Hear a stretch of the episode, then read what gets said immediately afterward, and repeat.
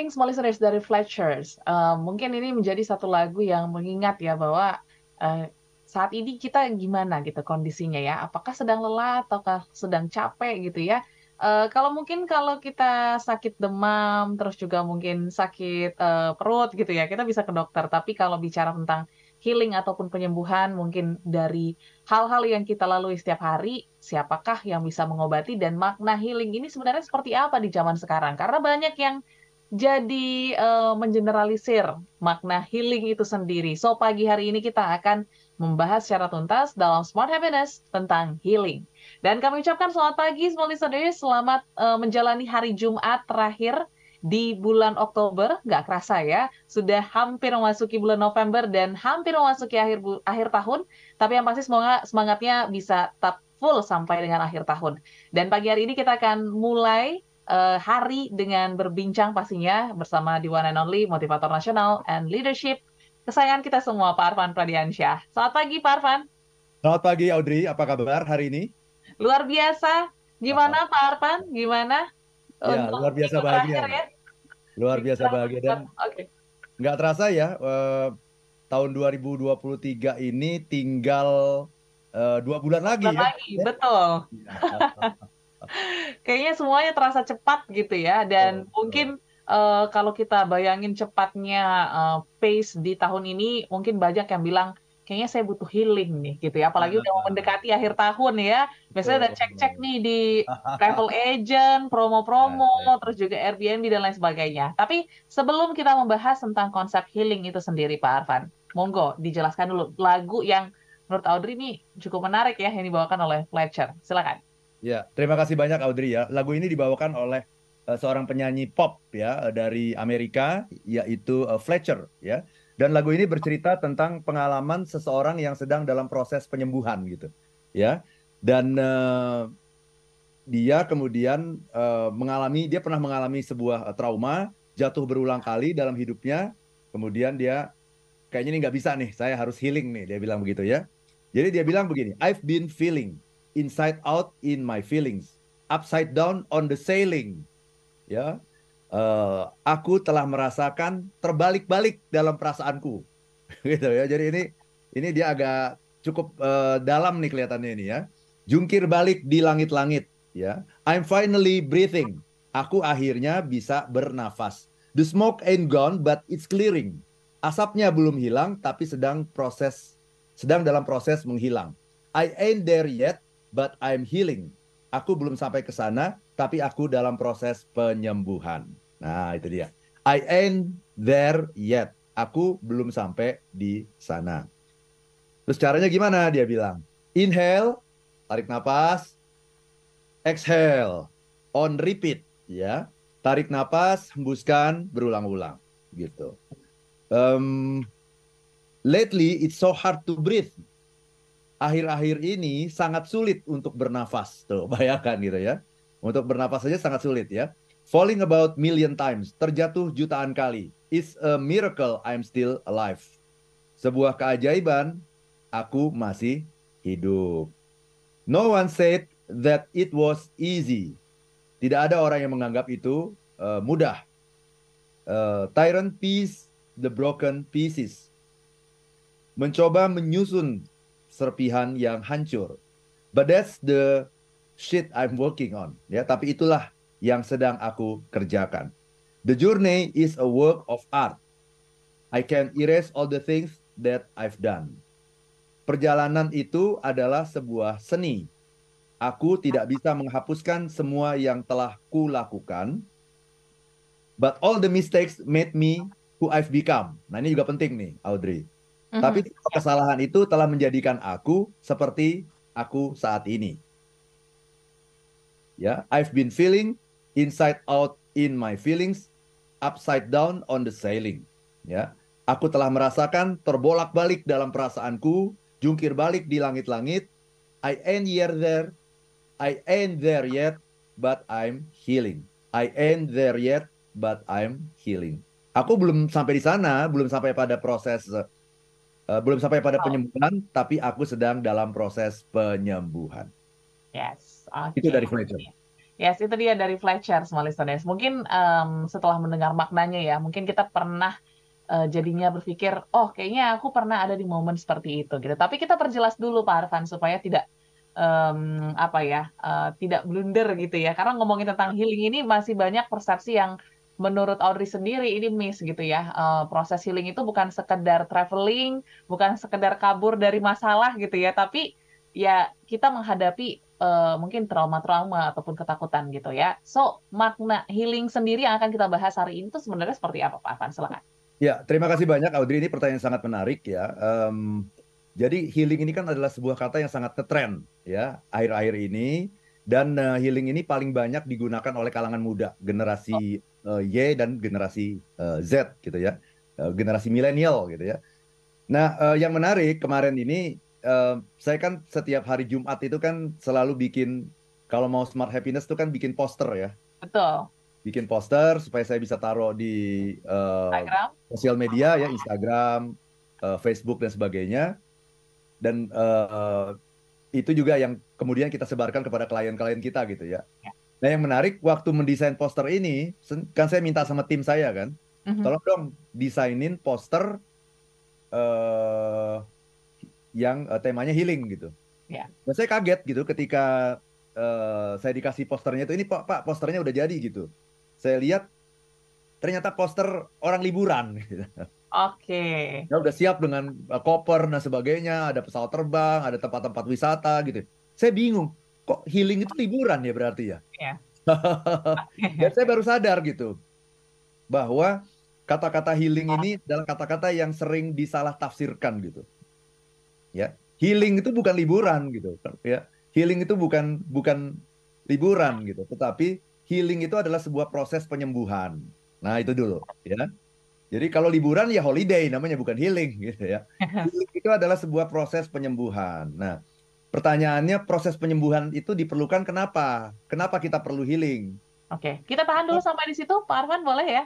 Oke. Okay. Okay. Kenapa kita butuh healing gitu ya? Nanti kita akan bahas lebih lanjut, tapi mungkin small listeners juga yang merasa um, kita juga butuh healing kira-kira kondisi seperti apa gitu yang menentukan kita tuh sudah butuh healing ya silahkan boleh sharing di 0812 11 12 959 atau mungkin Anda punya cara healing sendiri versi Anda silahkan juga boleh share di channel YouTube kami juga boleh di eh, Radio Smart FM 959 kita jeda sesaat tetaplah bersama kami dalam Smart Happiness listeners, um, yang paling tahu kondisi hidup kita, kondisi tubuh kita, jiwa raga kita itu pastinya kita sendiri gitu ya. Dan mungkin kita juga bisa menjadi salah satu dokter lah ya untuk diri kita. Tapi harus tahu dulu gitu ya, harus aware dulu kenapa gitu ya, ataupun apa yang menyebabkan kita butuh healing. So mungkin kita lanjut lagi nih Pak Arfan. Uh, ya. Why-nya ini kenapa? Uh, boleh dijelaskan lebih lanjut, silakan.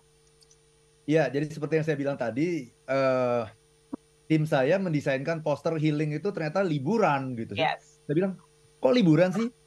Emangnya apa Pak? Katanya gitu. Okay. Wah, ini salah besar ini. Kok yeah. healing itu liburan? Liburan itu holiday, bukan healing gitu yes. ya. Jadi uh, healing itu uh, adalah sebuah proses penyembuhan gitu ya. Pertanyaannya adalah kenapa sih kita uh, perlu sebuah proses penyembuhan? karena kita mengalami uh, sebuah gangguan psikologis gitu ya. Gangguan psikologis itu bisa dalam bentuk uh, peristiwa di masa lalu yang menimbulkan luka, ya orang menyebutnya luka psikologis atau luka batin gitu ya, dan uh, itu membekas gitu di dalam diri kita sehingga menghambat efektivitas kita, menghambat pertumbuhan kita sebagai seorang manusia yang sehat secara mental gitu, yang mestinya bisa tumbuh berkembang mengatasi stres misalnya ya. Bisa uh, menjadi orang yang percaya diri gitu okay. ya sebagainya. Itu menjadi terhambat gitu. Gitu ya karena ada pengalaman masa lalu uh, yang membekas sebuah luka psikologis atau sebuah trauma gitu yang harus disembuhkan gitu. Nah itu yang namanya kita membutuhkan healing jadi healing itu bukan kan sering kali orang sekarang gini ya apalagi generasi milenial gitu ya, oh. generasi Z maksud saya ya. Yes. Saya nggak tahu nih Audrey nanti uh, correct me if I'm wrong ya, yeah. karena Audrey kan bagian juga dari generasi Z ya. Betul. Jadi dikasih feedback sama atasan sedikit gitu ya, misalnya agak di disentil dikit sama atasan gitu, atasan ngomongnya suaranya agak tinggi dikit gitu, kemudian langsung merasa baper misalnya gitu ya, kemudian aduh weekend ini aku harus healing nih weekend ini gitu. Itu sudah menjadi kosakata gitu. Seolah-olah eh, dikasih masukan sedikit saja yang membuat kita tidak nyaman harus healing. Ya, kemudian ada klien yang komplain gitu ya. Eh, ini servisnya nggak sesuai nih dengan yang dijanjikan, gini gini gini gini gitu. Ya, kemudian kita merasa nggak nyaman, kemudian kita bilang sama teman kita, aduh, eh, besok pagi gue harus healing nih gitu. Nggak bisa nih kalau kayak gini gitu. Mhm, Ya, mhm, mhm. nggak capai target, ya nggak dapet reward misalnya gitu ya, tahu-tahu kemudian merasa nggak nggak enak, kemudian healing. Jadi itu eh, terlalu exaggerating gitu, ya, membesar-besarkan. Kalau kayak gitu itu nggak perlu healing gitu, ya, nggak perlu healing yang yang kita maksud itu. Mungkin kalaupun itu disebut healing, itu healing yang kecil saja gitu, bahwa da- dalam diri kita ada sebuah perasaan tidak nyaman gitu kan ya. Perasaan tidak nyaman itu kan yang sering kali kita bahas sebagai uncomfortable emotion. Ya kan? Karena seperti yang selalu saya bilang, semua emosi itu positif, nggak ada itu yang namanya emosi negatif. Yang ada adalah comfortable emotion dan uncomfortable emotion. Nah, yang sering kali membuat kita itu mengatakan, eh kayaknya gue harus healing nih sekarang, itu adalah yang namanya uncomfortable emotion. Apa itu uncomfortable emotion? Emosi-emosi yang tidak menyenangkan. Seperti apa? Eh, eh, sedih misalnya ya, kecewa, itu kan tidak menyenangkan ya. Mhm. Marah, eh, bersalah misalnya, merasa takut, merasa khawatir, merasa nggak pede gitu-gitu ya. Nah itu semuanya adalah uncomfortable emotion gitu ya. Nah, kalau kita mengalami uncomfortable emotion, berarti ada sesuatu yang tidak seimbang dalam diri kita. Ada eh, ketidakseimbangan, ada imbalance dalam diri kita. Situasi balance itu itulah yang disebut dengan happiness. Itu situasi yang balance. Ya, kalau uncomfortable emotion berarti ada yang tidak balance. Nah, tugas kita ya kalau kita bicara mengenai kesehatan mental gitu, Yes. Berarti ini ada sebuah gang- eh, gangguan kecil lah gitu terhadap kesehatan mental kita. Nah, tugas kita adalah apa? Menyembuhkan gitu. Menyembuhkannya dengan cara dengan cara apa? Nggak harus itu yang disebut healing sampai eh, pergi ke Bali. Bah- Bahkan ada loh eh, di eh, YouTube itu saya lihat orang Aha. yang healingnya itu Audrey sampai enam bulan. Wow, lama banget ya. saya stres nih gitu ya, saya stres Ah. nih gitu. Terus udahlah gue mau healing, Eh, pergi ke Bali, pergi ke ini, pokoknya dia berwisata gitu selama enam Ya. bulan. Itu namanya bukan healing, tapi flexing namanya. Ah, Ya, dia pingin pingin mamerin di sosmednya gitu. Eh saya ke Bali, eh besok saya ke Lombok, besok saya ke Danau Toba gitu. mhm. Itu namanya flexing bukan healing gitu. Jadi Ya. jadi jangan dikit-dikit healing gitu. Kita harus tahu orang yang melakukan healing itu adalah orang yang mengalami luka batin. Betul. Orang yang mengalami traumatic experience gitu. Kejadian masa lalu yang tidak menyenangkan, yang membekas sampai hari ini dan me- menghambat efektivitas kita sebagai manusia yang sehat mental gitu. Itu definisi mengenai eh, eh, situasi yang dibutuhkan untuk healing gitu. Nah kalau kalau cuman sedikit eh, sedikit sedih, kecewa, marah, takut, nggak pede, khawatir, itu nggak perlu healing. Itu hanya perlu sebuah eh, penanganan yang simple saja, yang nanti akan kita bahas Oke. gimana cara penanganannya itu, yang simple-simple saja, yang nanti akan membuat perasaan kita berubah dari tidak balance tadi itu karena ada uncomfortable emotion menjadi balance kembali. Itulah yang kita sebut sebagai happiness. Yes, yes. Oke. Betul. Nah, mungkin sharing juga sedikit gitu ya kalau ngelihat fenomena ini Pak Arfan. Eh, banyak seperti yang Pak Arfan katakan gitu ya, hanya sekedar flexing aja, liburan dan lain sebagainya supaya terlihat baik-baik aja di luar gitu ya. Padahal Ya. mungkin dalamnya acak kadut gitu ya. Dan bahkan ada juga beberapa fenomena yang aku temukan ketika teman-teman nih memilih untuk healing, justru menambah masalah baru seperti menggunakan pay terus juga pinjol dan lain sebagainya. Nah, ini apakah menjadi problem juga nih Pak Arfan ketika kita mungkin ya mindsetnya ya kita udah set ini ini healing terus juga kita mengusahakan segala macamnya untuk healing ini tapi ujungnya berakhir juga ya ada masalah baru apakah ini akan menjadi trigger untuk eh, luka ataupun mungkin eh, sesuatu yang sulit lagi disembuhkan ke depannya silakan Ya, betul sekali. Betul sekali Audrey. Jadi begini. Saya ingin mengatakan bahwa ini eh, ada sekarang ini sebuah kesadaran, Hmm, oke. awareness yang sangat tinggi mengenai pentingnya mental health gitu. Ya. ya, which is good ya, dan ini Iya. sangat bagus ya. Karena bahkan di dunia saja uh, itu uh, Perserikatan Bangsa-Bangsa itu baru mendeklar gitu tanggal 10 Oktober sebagai Hari Kesehatan Mental Sedunia itu baru tahun 92. Ya.